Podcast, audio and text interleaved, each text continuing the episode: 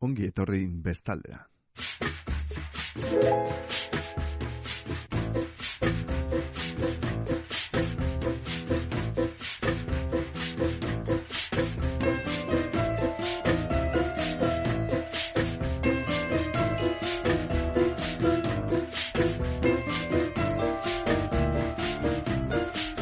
Ongi etorri bestaldera jaun Andreok, zer zaudete bestaldean, ba, ederki gabitzaku bestalde honetan, egunero dugun bezala, ordu eta ardizarituko gara kultura buruz eta gaurkoan Mojo Working jaialdia izango dugu izpide, badakizue, musika beltza, blues, rock eta rhythm and blues e, doinuak izaten direla, nagusi, eta hoieta, bueno, doinu horiek izango ditugu, hain zuzen ere, gaurko saioan.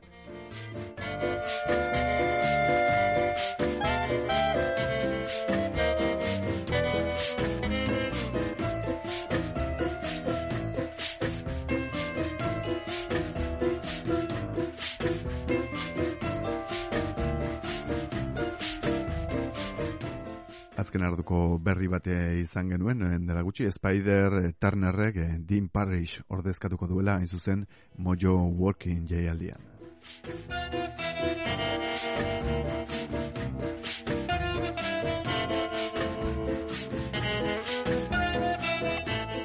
Donostiako Mojo Walking eh, Soul eta Rhythm and Blues jaialdia astear dagoenean, aurtengo egitarako izarretako batek Dean Parrish abeslariak bere emanaldia bertan bera utzi du.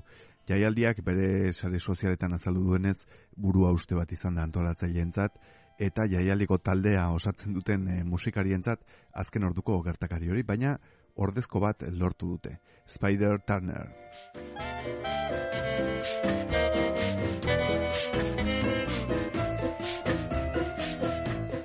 Ez da Turnerrek eh, Mojo Workingen e, abesten duen lehenengo aldia, izango e, 2008an jaialdian egon baitzen estatu batuarra eta giro ez zinobea sortu zen bere kontzertuan.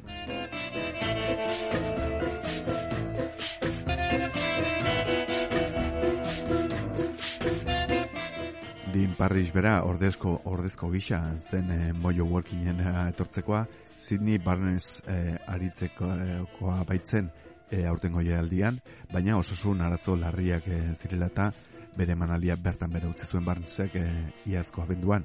Aldaketa horrek jaialdia ekonomikoki ahul utzi duela azaldu dute sare sozialetan, baina pozik agertu dira Turnerren e, itzulerarekin duela irurte mantzuen kontzertua Mojo Workingeko onenetako bat izan baitzen.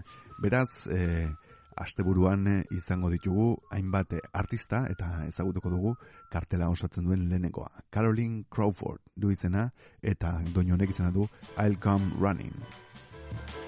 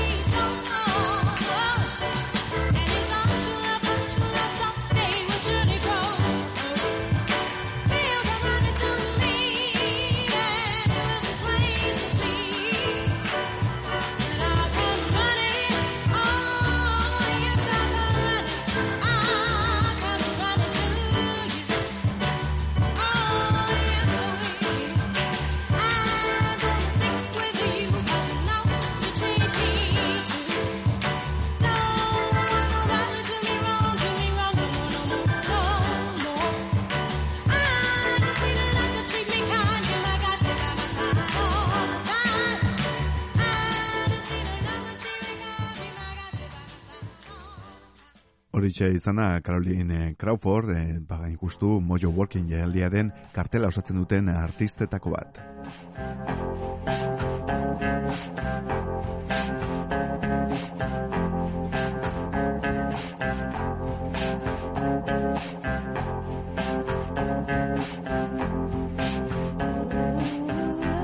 Caroline Crawford mila behatzen da berro eta bederatzean jaioa, rhythm and blues eta disco abeslari, abeslari eta aktore amerikarra izan zen. Eta Caroline Crawford gisa grabatu zuen mila behatzen da irurogeiko amarkadaren hasieran Motown Records entzat eta geroago beste hainbat disketxe entzat ere.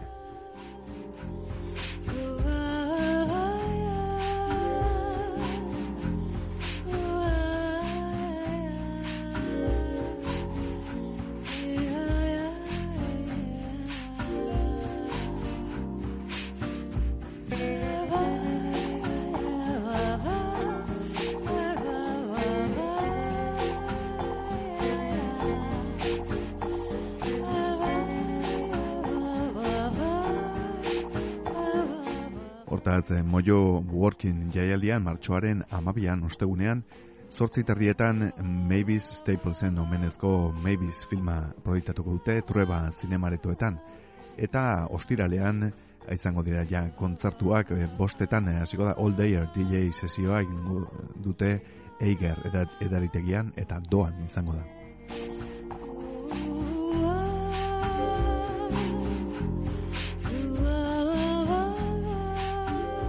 Iluntzeko bederatzietan e, ostiralean, The Magnetophons taldeak irekiko du gaua gaztestenan eta Caroline Crawfordek eta Spider Turnerrek joko dute ondoren.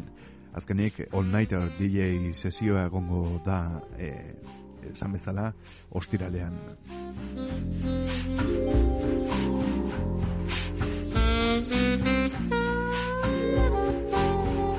Dakizue saioak eh, gaztaztenan eh, egiten direla, eta martxoren amalauan larun batean sold out eh, kartela jarri dute, alegia ez dagoela sarrerarik, baina badode beste ematekitaldi hartxaleko bostetan All Dayer DJ sesio egin dute Eiger edaritagian, eta, e, bueno, sarrerarik egon ez arren, gaua izango da bederatzietan, Guadalupe Plata taldeak irekiko du gaua, eta Ruby Andrewsek eta Chris, Chris Clarkek joko dute ondoren. Azkenik, e, Eiger Taberna ditutako All Nighter DJ sesioa e, egingo dute gaztesteran bertan.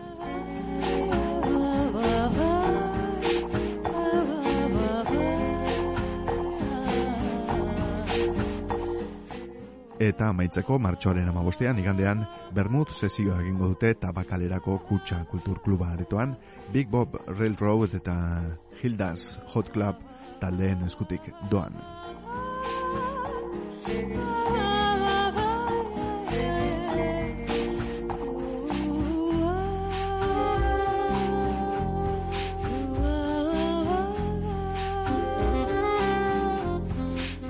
Eta garko itzorduekin segituz, kale ikuskizuna izango da, urbasa, utxun eta hortzi.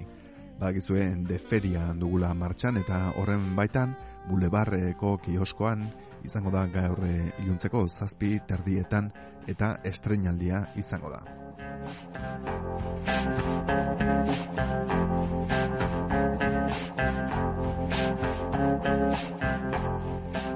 Eta guk Mojo Working jaialdiaren musika errepasoa egiten segituko dugu hemen deka erratian, Donostia Kultura erratian, badakizue hause dela bestalde Donostiako kulturzalen irratxaio mutantea, eta gaurkoan eh, Mojo Working jaialdiko hainbat doinu entzuten ari gara.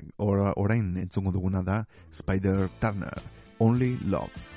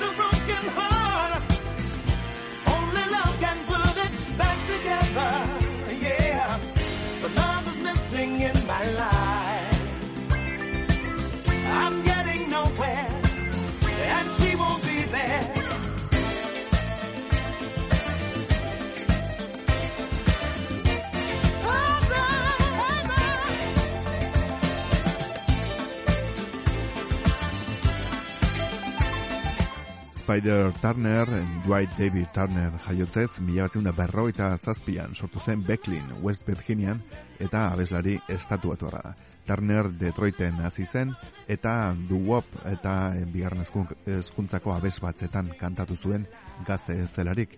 Lehenik eta behin eh, New Yorkeko Apollo Theaterren lehiaketa irabazi ondoren grabatzen hasi zen alde, bueno, bat, batzudan bakarrik e, grabatuz eta beste kasu batzuetan The Stereophonics eta The Fabulous Count taleentzat babes, e, babesle kantare gisa mm, kan aritu zen.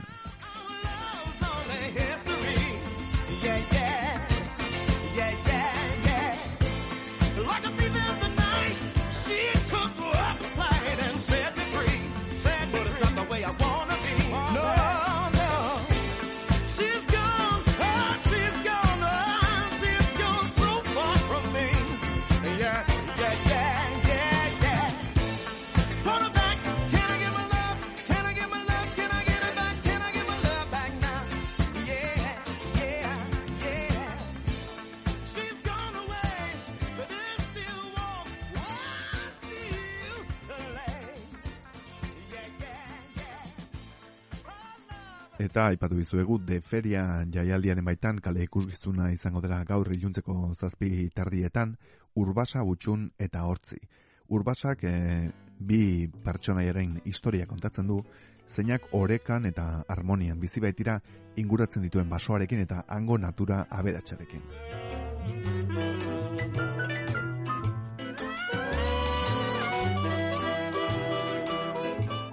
Bapatean oreka egoera hori kinkalarrian jartzen da jartzen du industrializazioak, egungo zibilizazioak eta horrek berekin duen guztiak usteldu duten e, orbanako bat agertzen denean, gatazka sortzen baita bi aldeen artean.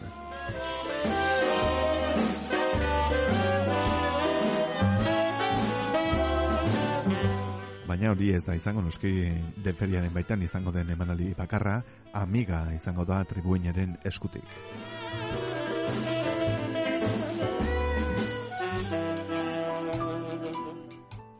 Lan honek eh, Maria Zebati eh, Zetaieva markatu Zetaieva markatu auskera poeta rusiarren eh, genialtasunak ukitu bueno, bizitzaren zati harturik. Bi emakume poeta gazte bata besteen aurrean jarri zituen eh, patua harturik. Bien sorkuntza modu ezin bikainagoan indartu zuen topaketa apasionatu kimiko fisiko eta intelektual harturik subjektibotasunerako eskubidea aldarrikatu nahi luke homoseksualitate deritzen estereotipoa hautsi eta himno bat sortu sentiberatasunari, estetikari eta maitasunari.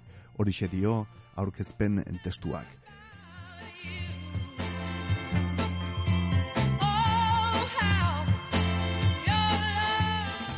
Eta hemen fondoan entzuten ari garena da Ruby Andrews, Just Loving You.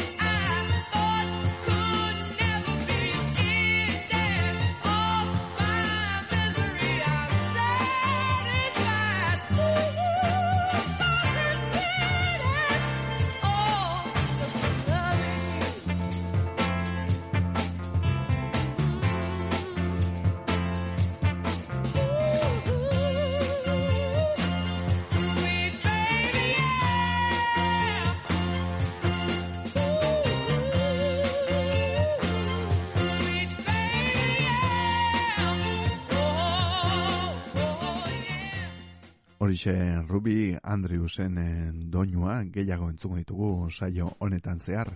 Badakizue gaur eh, Mojo Walking jaeliaren errepaso egiten ari gara datorren, eh, bueno, asteburu honetan izango baita gaztestenan eta eger tabernan besteak beste.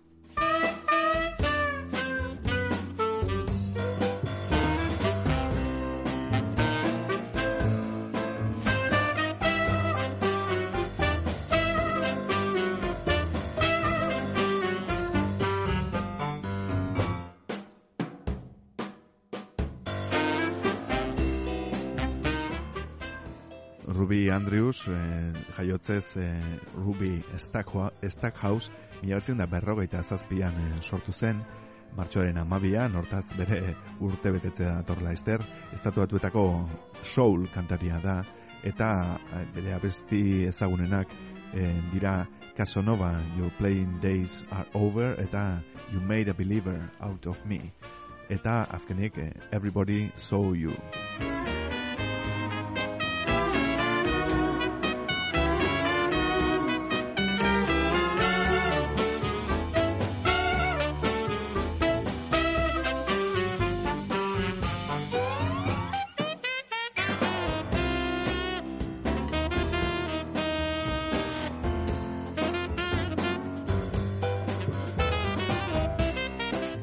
Nosferatu zikloak aurrera segitzen du, La Leidez Mas Fuerte e, izango da gaurko filma, mila batzion da irurogeita mamostekoa, eta, e, bueno, sarrerak badakizuen merke-merke izaten direla nosferatu ziklo honetan, eta arratsaleko zazpietan izango da emanalia.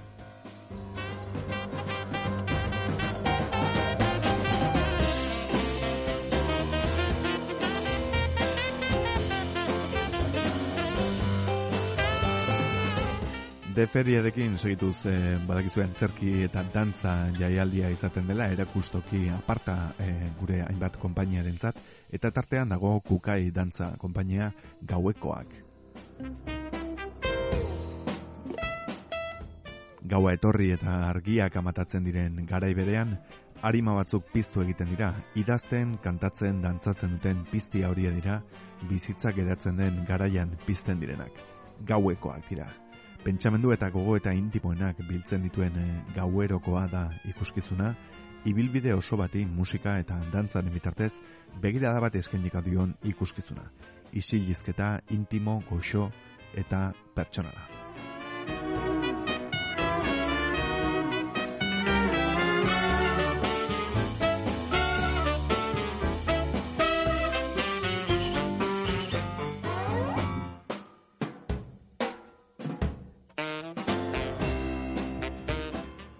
Estreinaldia izan zen atzo eta gaur ere izango da emanaldia Panteon Marga Altolagirre produkzioaken lana.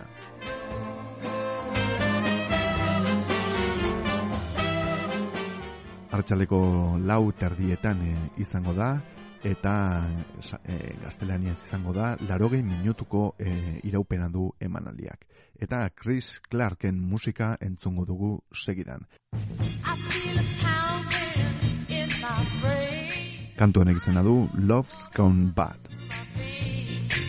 Got a bad taste in my mouth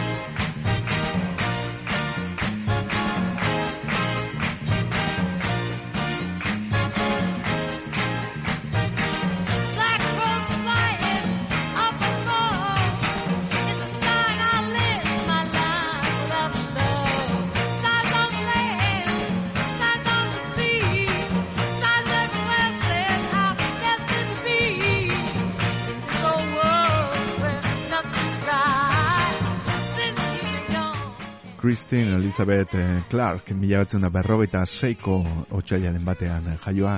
Chris Clark ez, e, izenez ezagunagoa. El soul, jazz eta blues kantari estatu batu da. Eta Motowns rekordzentzat grabatu izan zuen.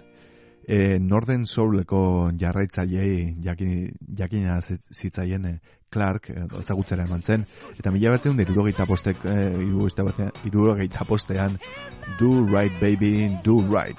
Eta mila batzen dira irurogeita seiko Love's Going Bad, entzun berri duguna, abestien gatik, eman zen ezagutzera.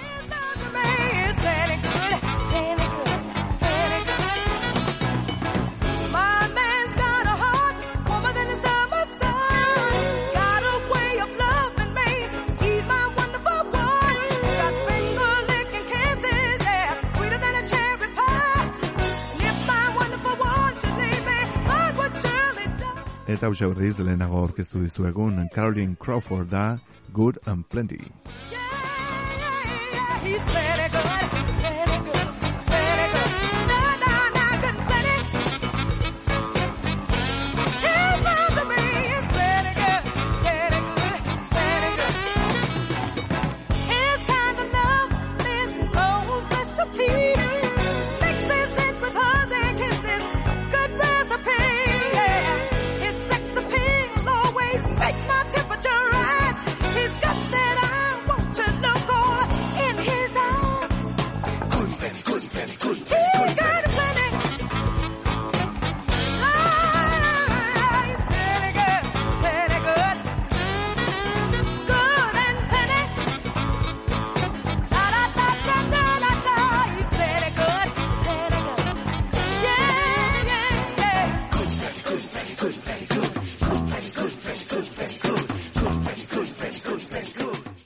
Good and Plenty entzuten ere gara Caroline Crawford Mojo Working jaialdian arituko dena asteburu honetan.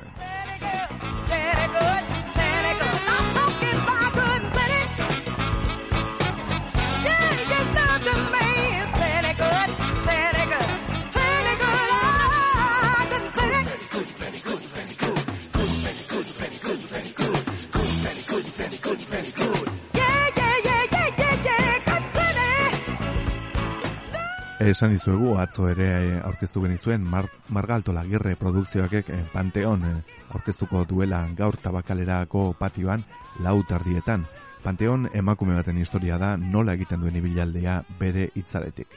Aitak aurtzaroan abandonatu zuen eta heldu ondoren telefono deia jasotzen du, non esaten zaion ura berriki hila dela. Gertara horrek beste gertara batzuk ekarriko ditu atzetik, eta protagonistak aukera izango du bere buruaren parte orain arte ezkutuko bat sendatzeko eta berreskuratzeko. Hori esan da, e, bueno, gerago itzuliko gara Caroline Crawfordekin, eta orkestu izu egun beste artistekin. Chris Clark, Ruby Andrews eta azken orduko inkorporazioa Spider Turner.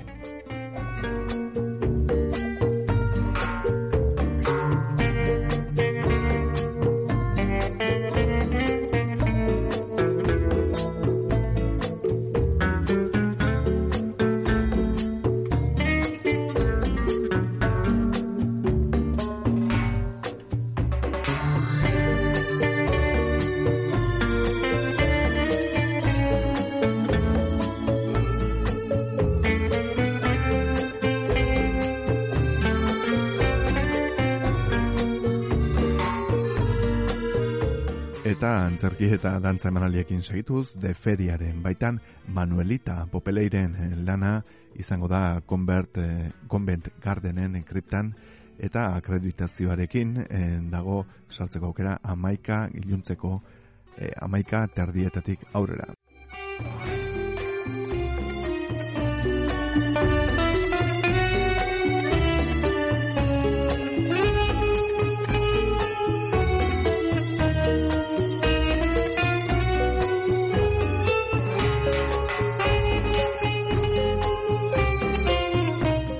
Narratiba, antzerki fisikoa, komedia eta Camilo Menjuraren musika kombinatuz, Manuelitak, Manuela Saenz, ekuadorreko eroi eta bere borroka kontatzen du. Zeinak eh, Simon Bolivar askatzaileari bihotza ebatxi baitzion, hartara askatzailearen askatzaile bihurtzeko, maitale, konfiantzazko eta bihurri, ero maitagarria itzaletik agertu eta erretzela jasotzen du egia erakusteko.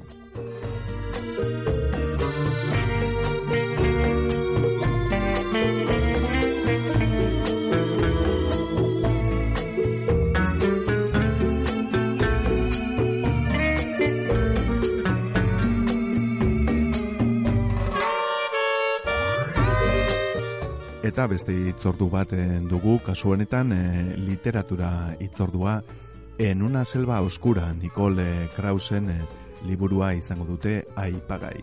Ernest Juk kulturetxean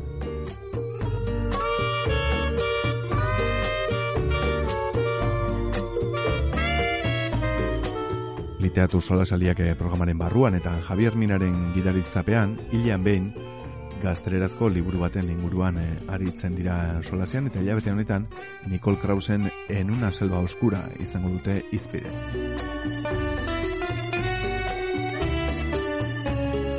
Arratxaleko sei tardietan izango da Ernest Juke kulturetxean.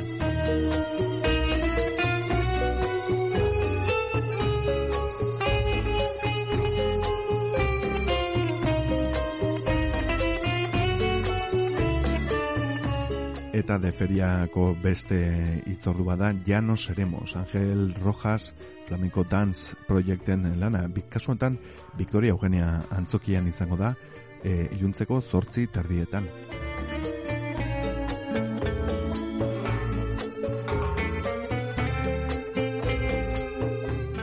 Eta onera dio aurkezpen testuak hasiera iritsiera bidaia eraldaketa ahaldena berriro izateko norberaren buruari joaten ustea bidea egoeren eta emozioen iragaite bihurtzeko agur esan behar baitzaia ezinbestean.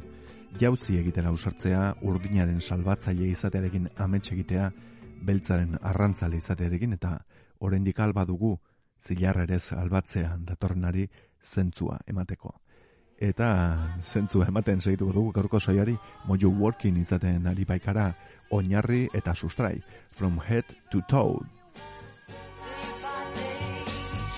behatze puntetaraino eta hori da hain zuzen ere kantu honek eh, esaten digula from head to toe Chris Clark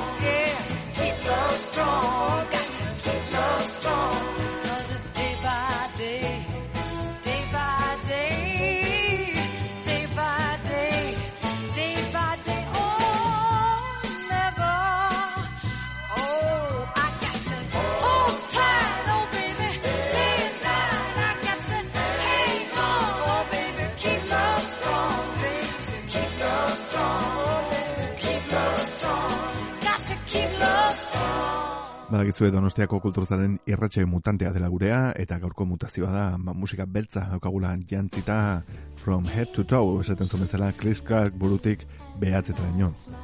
Eta segitan entorren kanta honek izena du My Smile is just from a frown. E, eta Caroline Crawford da artista.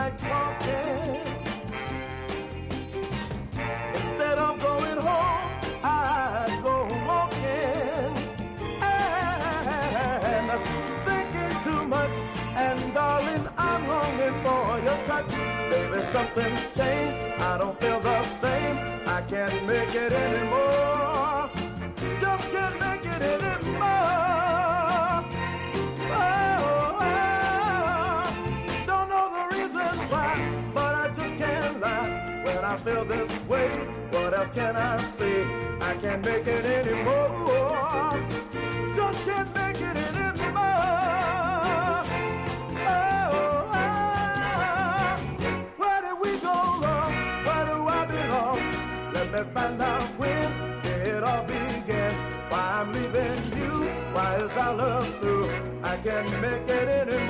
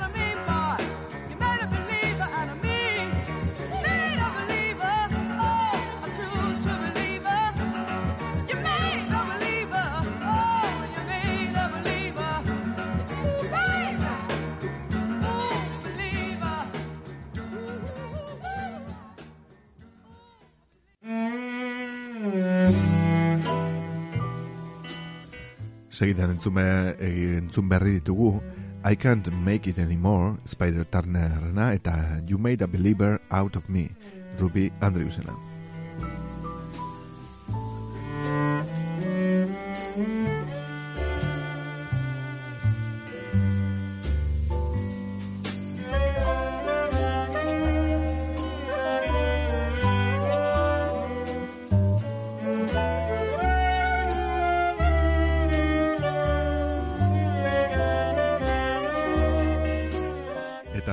Periferiako itzorduekin segituz, Proximo timbre lauren eh, lana izango da, gaur eh, amaika terdietan, e, hain zuzen ere, imo, irurogita mar minutu irauten duen emanalia izango da, gaztestena aretoan.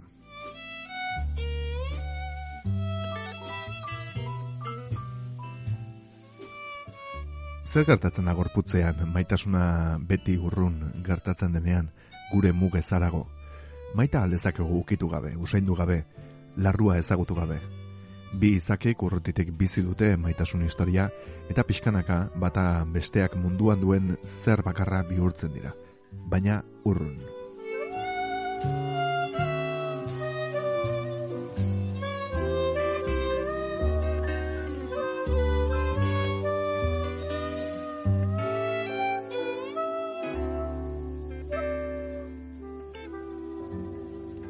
Eta urrun dagoenari ematen du esaten diola Caroline Crawfordek segidan entzungo dugun kantuan Keep stepping, never look back. Alegia, segi pausoak ematen eta ez begiratu atzera.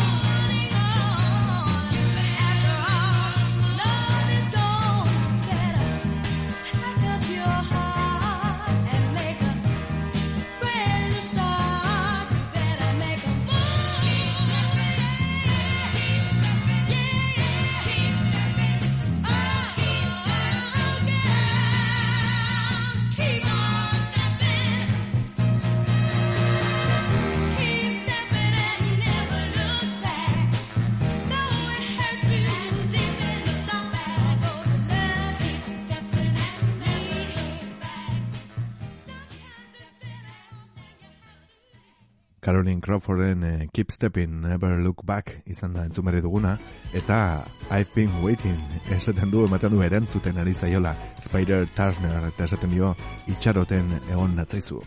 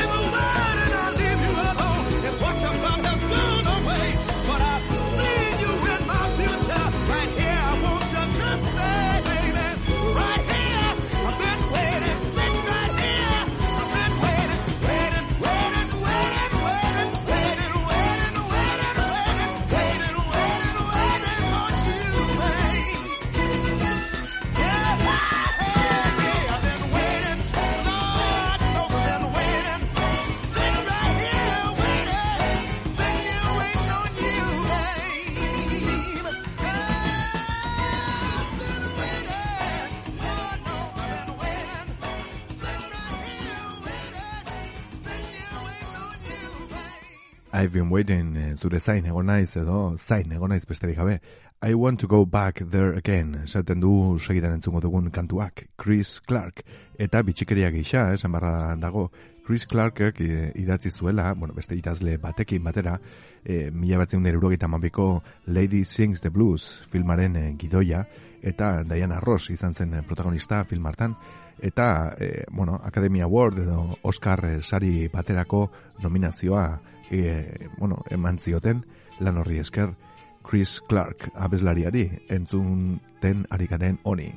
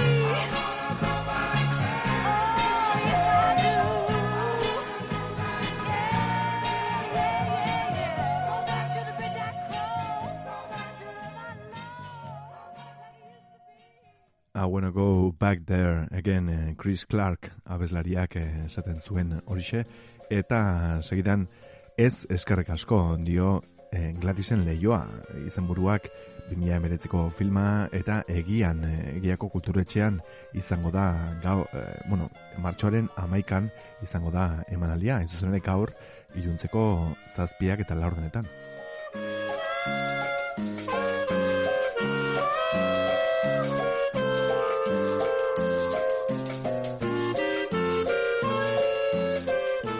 Mila irurogeita meretziko ekainaren iruan, Guardia Zibil baten eh, tiroak Gladies del Estali bizitza kendu zion tute, tuteran. Han eh, mugimendu antinuklearrak eh, protesta eguna antolatu zuen, eta dokumentalak eh, hogeita iru urteko gazte hau zein zen eta gertakariak nola gertatu ziren kontatzen du. Gainera, bere eriotzaren aurretiazko eta ondorengo gertakariak jasoko ditu eta eh, Euskal Herrian, bai Euskal Herrian, eta baita Europan ere. Bye.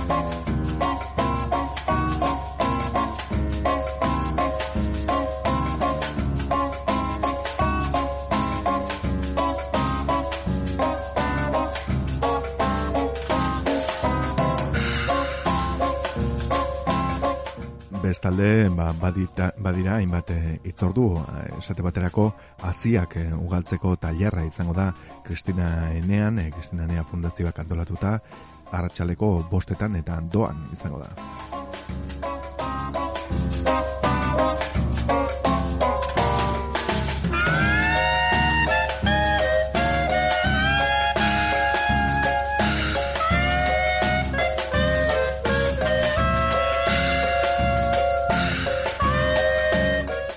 Beste itzordu nabarmen bat da zineforuma eh, bagera kantolatzen duena e, Koldo Mitxelenan izango da emanaldia, hartxaleko sei terdietan e, bederatziak arte izango da.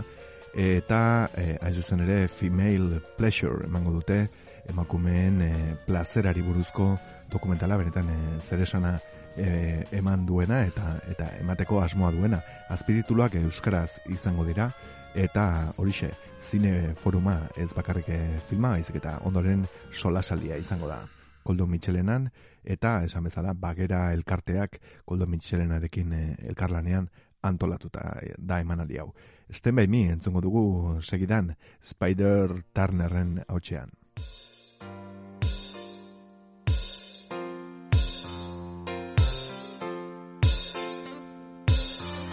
Here we go. Swinging from the 9-7. One more time. Yo, kick it.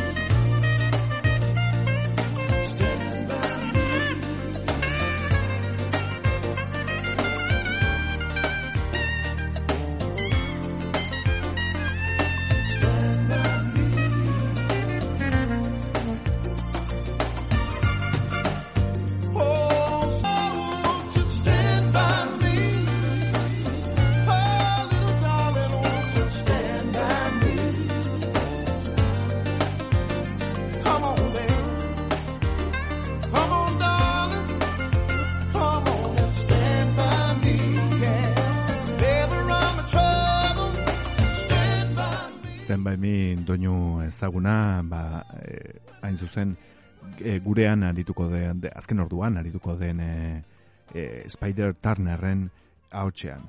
Eta amaitzeko, hain zuzen, eh, Mojo Working jaialdiaren errepasoa egiten ari garena hemen, kartela goiti bera errepasatu dugu, From Head to Toe, esaten zuen bezala, lehen entzun dugun kantuak, eta amaitzeko errepaso honekin, Ruby Andrewsen Casanova, Your Playing Days Are Over, kantu ezaguna entzungo dugu.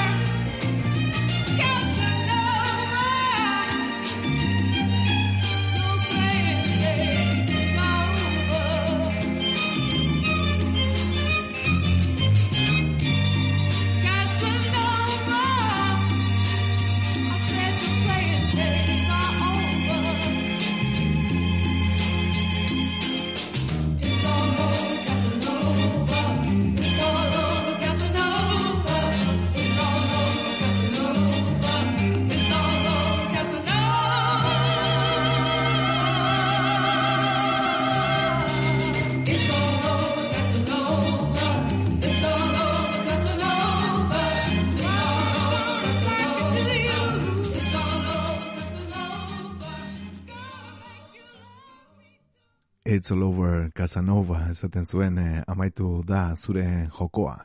Eta honezkero amaitu dugu Mojo Workingen errepasoa, segurezki egun hauetako batean, eh, bueno, datozen egunetan izango dugu horiek berriro jartzeko aukera eta gokoa, baina segitan beste kontu batera joango gara, aurrekoan e, e, azaldu zuen eta eta entzun genuen hain zuzen Juan Cruz Zigera bideren e, poetika saioa eta poetika 2008 poesia irakurraldiak prentxarkoaren e, zati bat entzuko dugu segidan.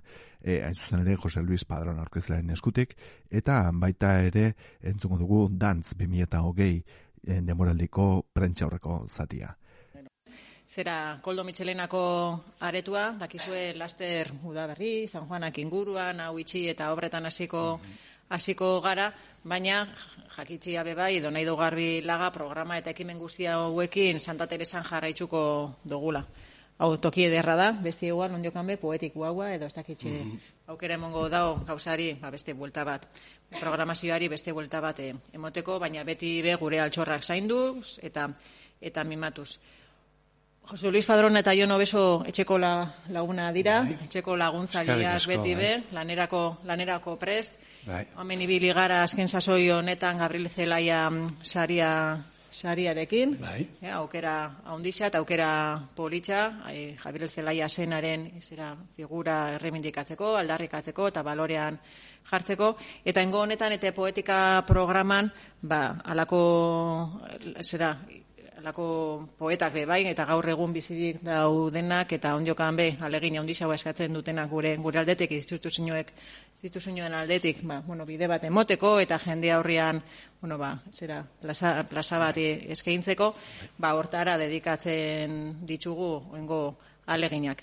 Nik berriz be eskerrak emotia, animatzia, ez da bakarra gurekin itxen duten lana, posiari lotuta beti, literatura zainduz, eta, bueno, ba, beti be izango duzuela hemen Koldo Mitxelenan lagunak eta, Bueno. eta aliatuak. Eh?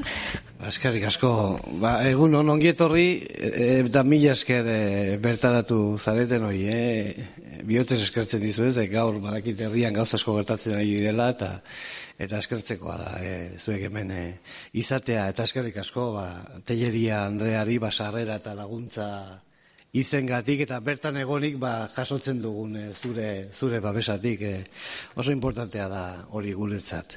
Egia esan etxe hau ondo esan dezun bezala ba, asko lagundua da sortzaileei eta asko asko erakutsi du bai poesiaz eta bai e, poetez eta hemen daude lekuko ba, besteak beste ba, ipatu dituzunak. E, Gabriel Zelaia eta Xavier Lete poeten ondare intelektual eta eta dokumentalak eta haien izenak e, hartu dituzten ba, sariketak ere. Beraz hitza eta bereziki sortzaileen e, ba, mintzaira guztien artean hizkuntza poetikoa ba, altxol handia dira eta eta indargune dira Koldo Mitxelena kulturunean.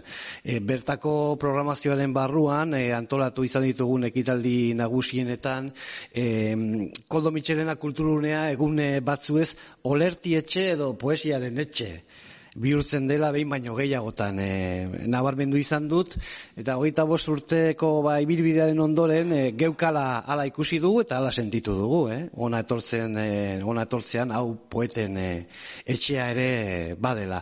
Hala izan zen urteetan bertako zuzendari izandako López e, Landatxeri eta oraindik orain e, ba, kultura sustapen eta edapen gunea kudeatzen duen e, lide aranari esker. Eta orain ere hori hala da, ba, patxi presa, patxi, patxi presa zuzendari berriak eta eta ba, Mari Jose Telleria kultura zuzendariak eh, ematen diguten babes eta laguntzari esker. Beraz, e, Jono Besok eta biok, ba, poetika kimenaren e, koordinatzaileak e, garen aldetik, ba, esker honeko besarka da batekin gatoz eh, haientzat eta haientzat guztientzat eta haien lantaldeen lantaldeentzat. Eta ederren ederrena da inork ez digula eta ez duela sekula gure independentzia eta gure askatasuna zigortu kulture irizpide kontuetan. Alderantziz, e, poesiaren e, alorrean egindako ba, gure ekarpenak aitortza jaso du, eta gainera ba, aurrera begira ba, bide berrietan elkarrekin e, e, lanean jarraitzeko aukera. E, proiektu ask- asko gauzatu ditugu elkarrekin eta gaur aurkezten dizuegun hau e, poesia garaikidea gizarte, gizarteratzeko asmo horretan aukera berri bat da poeten hitza, ba, gordetik atera eta haien mezua behar dutenei zuzenean eta zuzenetik e, helarazteko. E, poesiaren etxea bakarra da, Baina barne gela asko ditu e, diote jakintxuek. Eta azken finean hori da poetika. E, gizakiaren neurriko ba, beste gela bat poesiaren e, etxe horretan. E, bizi lagun ditugu bi aldamenetara harrekin e, harreman konplizea ba, ia ia urte osora e, luzatzen direlako. E, poetikak ez du diru askorik behar e, proiektua martxan jartzeko, e, komunikabidetan lortzen duen oihartzuna ere ez da izugarria, alabaina bere txikian Ba, jendeari gustatu egin zaio eta erantzuna ona izan du kulture emanaldiekiko ba sentsibilitatea duten eh, herritarren eh, aldetik eta literaturaz eta zehazki ba poesiaz eh, ari garela kontuan izanik ba harro egoteko harrera izan eta arrakasta eh, lortu ditu.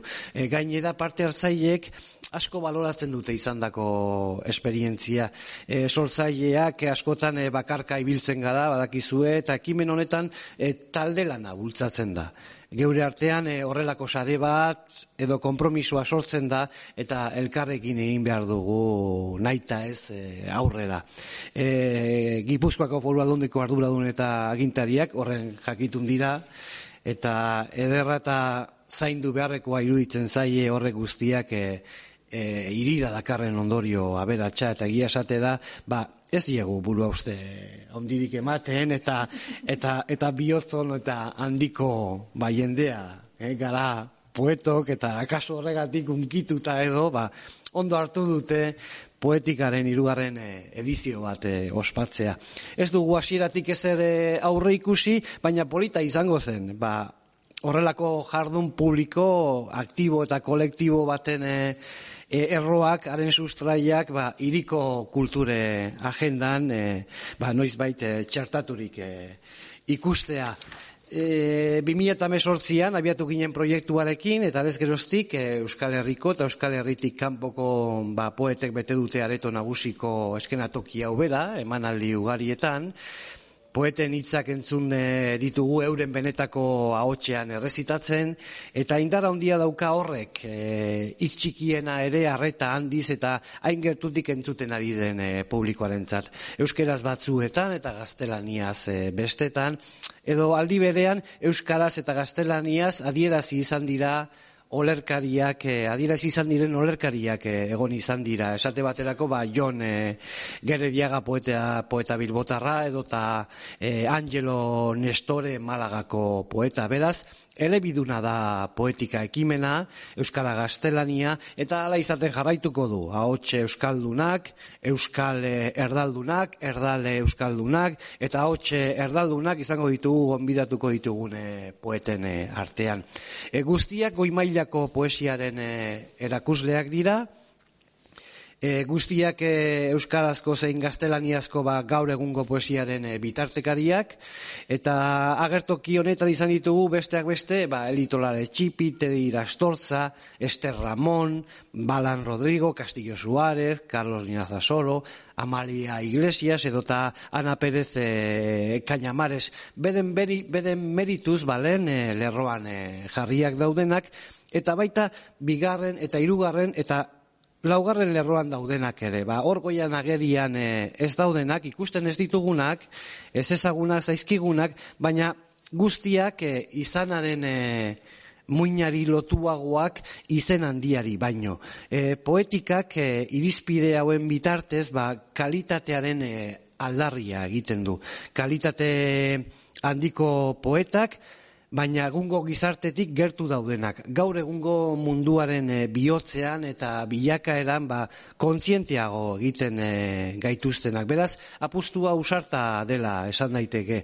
Eta hiru- hirugarrena duen edizio honetan e, poetika e, ekimena ba, aurreko bien osagarria, baino ez da hori hori nahi luke izan e, e, behintzat. E, Horrela, e, bihartik hasita maiatzera arte, ba, hilean behin poesia rezitaldi bat e, antolatuko dugu, areto nagusian. E, poeta gonbidatuak ba, bere olerkien irakurraldia egingo du, literaturan e, aditu bat eta musikari bat aldamenean laguntzaile dituela, literatura dituaren lana asko eskertzen dugun lana da, e, egile gonbidatuaren poesiaren gakoak bildu eta azaldu egiten e, dizkigulako, bat testu ingurua, e, bio, bibliografia, eta beste hainbat alderdi esaterako, ba, gaiak, izkera eta estiloa, eragina, edota motivazioak, mm, emanaldietako poeta bakoitzaren lanari buruzko nondik e, nolakoen azalpen eh, kritikoa dator eh, emanaldietako sarreran.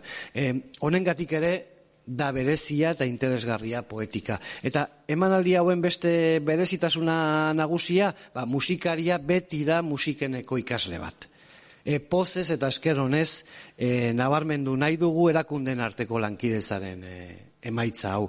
E, lankidetza honi esker ik, ikasle gazteek jende aurrean jotzera behartzen dituzte euren e, buruak eta haiek, ba, poetikak ematen duen aukera eskertzen dute, eta zaleok guk, ba, musikenen oraindik eh, ikasten ari diren musikarien talentu izugarriaz eh, gozatu ahal izatea eskertzen dugu.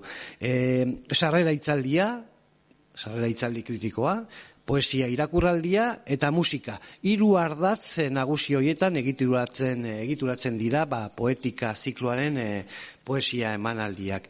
E, dakizuenez, Eta Mari Jose kondo azpimarratu duen bezala, ba, Koldo Michelena Kultura Zentroa, e, ba, eraberritzeko atarian e, gaude, eta horren arabera, ba, eguneratzen e, ari gara, e, aurtengo gure gitaraua ere horregatik, ba, emanaldia programatu ditugu ba, bihar hasi eta eta maiatzera arte. Beraz, guztira hiru emanaldi antolatuko ditugu da berri parte honetan ziurrenik e, ba, poetikak e, taula gainean segituko du gero ere eta saio gehiago egingo dira udazken partean, ba, Santa Teresa komentua izandakoan, e, baina ordura arte eraberritze integral honetako proiektuaren e, esku, esku gaude nola bait.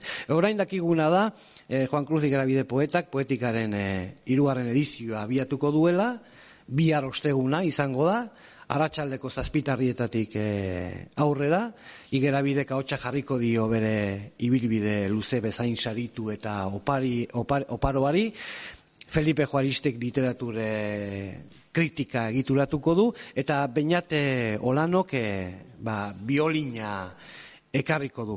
Eta urrengo errezitaldia pirilaren bian izango da. E, irun iria poesia saria berrik irabazi duen e, Aritz Gorrotxategi protagonista izango dugu orduan, e, Felipe Joristik e, egingo dio sarrera, eta akorde hoiarekin laguntzeko maitane arretxe e, bertaratuko da. Aipatu bi irakurraldi horiek Euskaraz jasoko ditugu. Eta maiatzean, e, hori gaztelaniaz, e, Julia Piera olerkari Madrildararen txanda izango da. E, bere poesiaren e, azterketa itziar mingez bizkaitarrak egingo du, eta musikaren e, aulkia beteko du Eduardo Villarro el klarinete eta eh, eko gazteizarrarekin. Eh, Somos Lorencia taldea, ba, bueno, underground formatuan dagoen, arloan dagoen taldea da, Madrilen, eh, post-punk, dark wave, eh, oso estilo ilunak lantzen ditun eh, taldea da, eta eh, aurkezpen, diskaren aurkezpen ofiziala eh, larun bat honetan izango da, ez? E, oso kritika onak jasaten ari den e, diska da, e, oso, bueno, talde e, promotedorea da, osea, prometedor, ez dakit nola esaten dan euskeraz, ez ateratzen. Eta, bueno, nahi dugu pizka bat horregon, ez? Pizka bat e, alor garaikidean, underground, pizka bat utxune kultura olori e, bete nahi dugu. Eta, bueno, eko ere bai da Miriam, e, donostiar bat, baina gazteizen bizi da, eta musika e, industrial, elektroniko oso interesgarria egiten du, eta e, gu oso pozik gaude berarekin e, egotea, ez? Orduan, bueno, e, alde batetikan hori. Gero aurkeztu nahi genuen ere bai, e, Dance Point formatua, e, eta bueno, e, jarriko dizuet lehenengo Dance Pointaren bideoa, e, izango dela lasarte horian, izango da martxoaren bukaeran, apirilaren hasieran. Bueno, e, gure kasuan, data erabakita dago, iraiaren emeretzia, hain zuzen, eta e, lekua guzti zehaztuta ez badago ere, jakin badakigu izango dela e, bidasoa ibaiaren bazterren batean. E, horrek ba, badu azalpena. E, dataren kasuan, ba, egun horretan, e, ibaia, e, iraiaren emeretzian, Rivera arte garaikidearen azoka egingo dugu e, bidasoa ibaiaren ondoan. Mm azkenean da azoka bat aire zabalean eta mm, hiru ardatz de- dituena, memoria, e, muga eta ibaia, Eta eh, azoka parte hartzailea da, mm, lengoia desberdinak eh, lantzen dituena, lengoia eh, tradizionaletik hasita, ba, pinturaren kasu, eh, musikatik pasata eta bueno, beste lengoaia eh, garaikideagoaekin eh, bukatzeko, performanzea, esate baterako. Eta gure ideia da, goizez egitea azoka hori eta arratsaldez ba, dantza pointa e, egitea eta nolabait elkarri elikatzea, ez programa batak besteari, bueno, ba, ekarpena egitea eta, eta aberastea. E,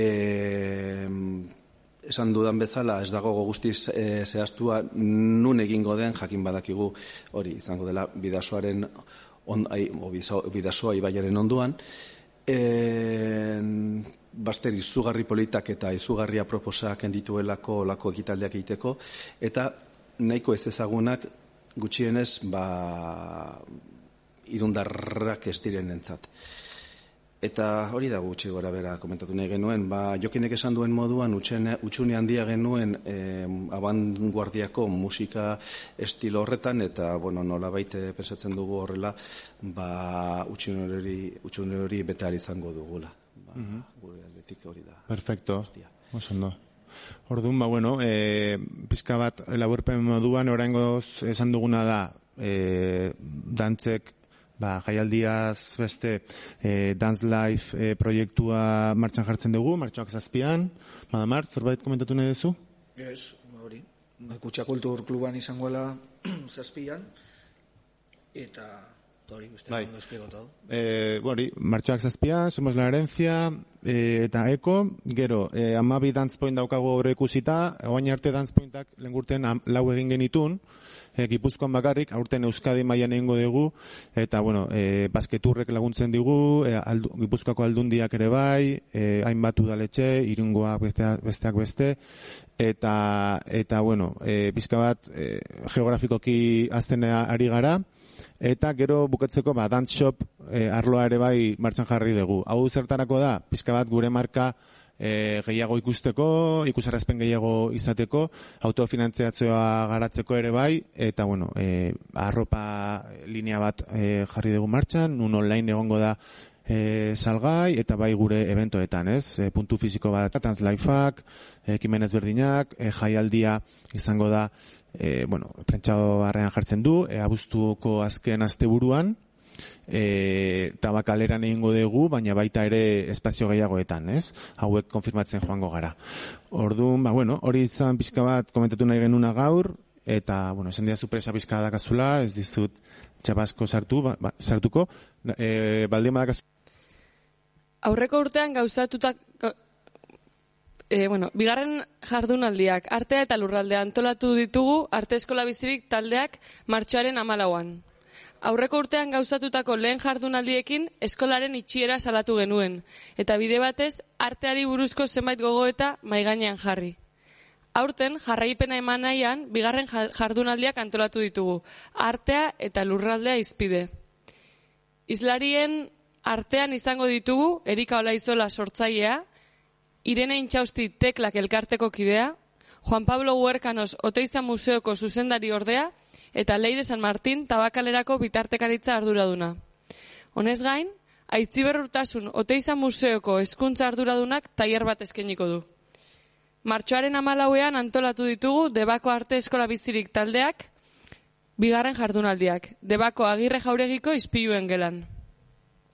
Aurreko urtean, Euskal Herriaren historian pixu simboliko handia duen arte eskolaren itxiera salatu ondoren, etorkizuneko norabidea birpentsatu eta erabakitzen lagunduko duten bigarren jardunaldiak antolatu ditugu. Jardunaldion helburuak herrian artearen presentzia bultzatzea, arteak lurraldea eta gizartearekin egin ditzakeen kontzializatea eta gizartean izan dezakeen eraldatzeko indarra argitara ateratzea izango dira. Lehenik eta behin, ezin dugu ahaztu Debako Arte Eskolak ekarpen kultural handia egin duela. Jorge Oteizak irurogeta amargarren amarkadan bultzatutako eskola esperimental eta modernitateari ateak ireki zizkionak alde batetik, eta eskulangintza ofizioen transmisioaz arduratu den bigarren eskolak bestetik. Ark lagundutako aziarekin, ark landatutako aziarekin, aziaren kimu berriak lore bilakatu daitezen, iaz jardunaldiak antolatu genituen, eta aurten bigarrenekin segida emango diegu.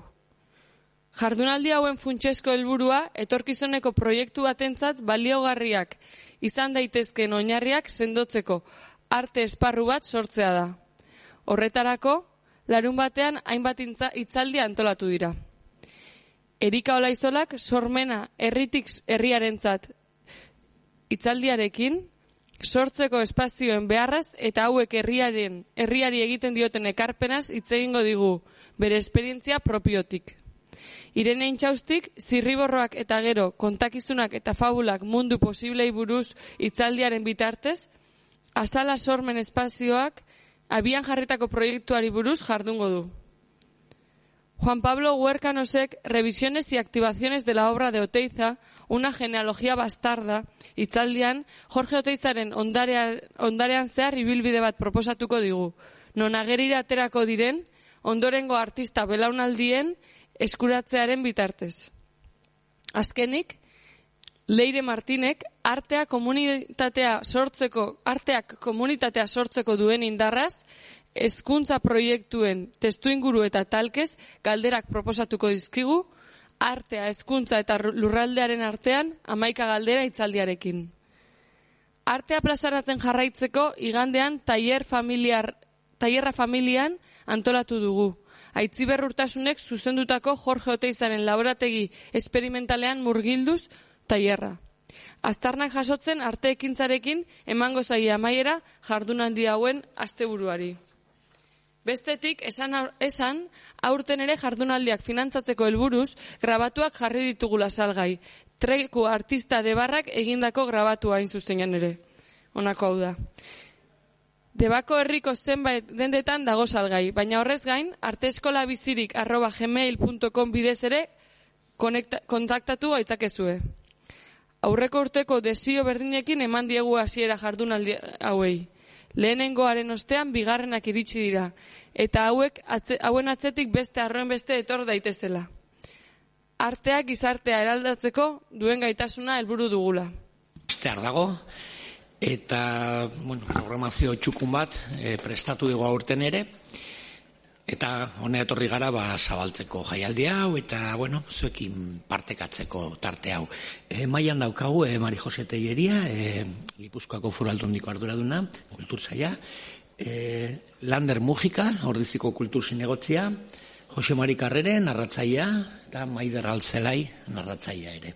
Eta nineu maigorostea gaintu jai teatroko kidea.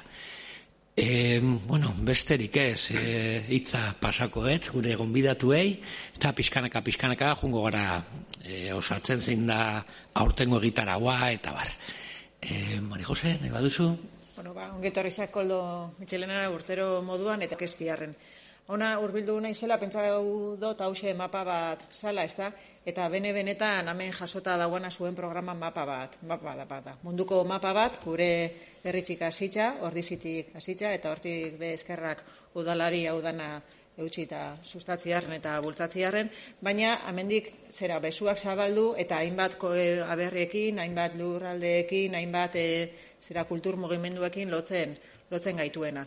Hori batetik. Eta gero bestetik lotzen da bena bai belaunaldixaen belaunaldixak eta ipoinaren inguruan, narrazioaren inguruan kapasa da bueno, ba, familiak batzeko, umiak e, ur, umien gana urbiltzeko, gaztiak erakartzeko, eta nola ez, bueno, ba, kulturaren inguruan proiektua handi bat, eta zera, e, izikidetza, eta narrazioari lotuta dauzen beste hainbat balore, eta za- zaindu beharreko no, gure ohiturak eta gure zera preminak e, asetzeko.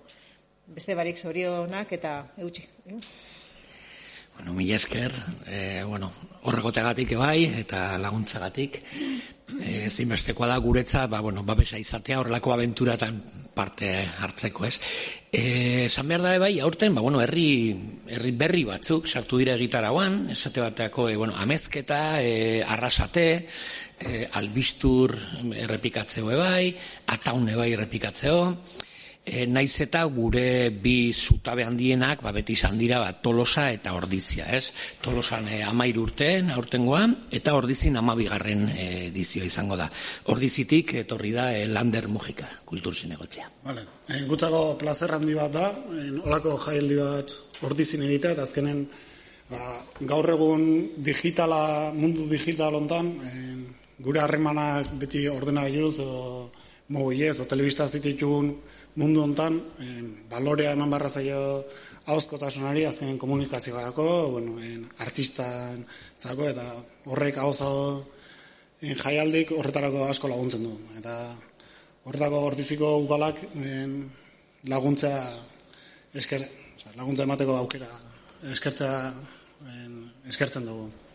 Eta Honetaz gain, en, zazpigarrengo aldiz, en, ordizin ingo da ipu- ipuin narrazio lehiaketa, osea, ipuin narrazio lehiaketa ingo da ordizin zazpigarrengo aldiz, eta hemen parte finalistak aukera izan. Honekin batera, en, herritar guzti nahi dugu en, gonbitea zabaldu, azkenen ikusteko en, beste ekintza azken jaialdi honek dauken garrantzia eta, bueno, xarma berezi dalako. Eskerrik asko bai egia da, eh? lehiaketa hartzen ari da bere identitate propioa edo, oso gau polita pasatzen dugu lehiaketan, oraindik e, libe, e, epea irekia dago apuntatzeko, labos bat daude apuntatuta, baina oraindik lekua dago e, gure kontatu gurekin, ipuin e, lehiaketan parte hartzeko. Gainera, bueno, e, sari ekonomikoaz aparte, Intuja Teatroko beti beka bezala edo, e, horko finalistek edo irabazten dutenak, e, aukera ematen dugu urrengo jaialdian parte hartzeko, narratzen edo gurekin parte hartzen. Ez dago sari ofizial bat, gu beti gaude hor bultzatzen, e, bueno, animatzen direna kontatzea, gero aukera daukate gure jaialdian parte hartzeko. E, adibide bat daukagu hemengo mailan Maider Altzelai guendela lau urte hola parte hartu zuen e, finalista izan zen. Eta e, bueno, iaz eta urten ebai e, irakaslea da e, formakuntzan urtero apostu bat itengo form, formakuntzarekin. Bai helduentzako formakuntza eta e, umentzako ordiziko urdaneta eta jakintza ikastetxeetan e, Maider Altzelai Apa, eskerrik asko. Ba bai, e, egitarauan beti be, ba, ikastaruentzako edo formaziorako toki bat la, usten da, eta aurten be, ba, bueno, ni dagokik aurrentzako ba, ikastaroa egitea, urdan, berak esan moduan, maiek esan duen moduan, ba, urdan eta ikastetxean eta jakintza ikastolan bost eta xigarren mailako gaztiekin egingo dut. Eta e, prozesua izango da taldean ipuin bat prestatzea kontatua izateko. Orduan prozesu guzti hori bizitzen dute, horrek dakarren gauza guztiekin, ba, entzutea ze garrantzitsua den ikastea, e, gorputzaren adierazpena, hauzkotasuna, bueno, eta hainbat gauza, ez? Eta, eta politxa da, ze e, alde praktikoa ere egiten dute, e, estenatokira igoko dira, eta taldean ipuin bat kontatu barrena jauregian ordizin kontatuko dute, eta izango dira e, be, kontalari profesionalen teloneroak. Eta dator, ikastaroa ematera, trinkoa izango da, amabi ordu.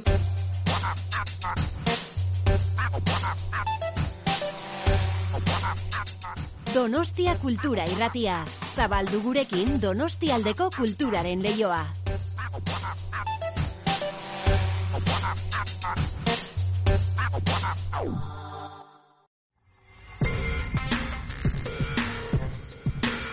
Donostia Kultura Irratia. Iriko eta aldirietako kulturaren leioa.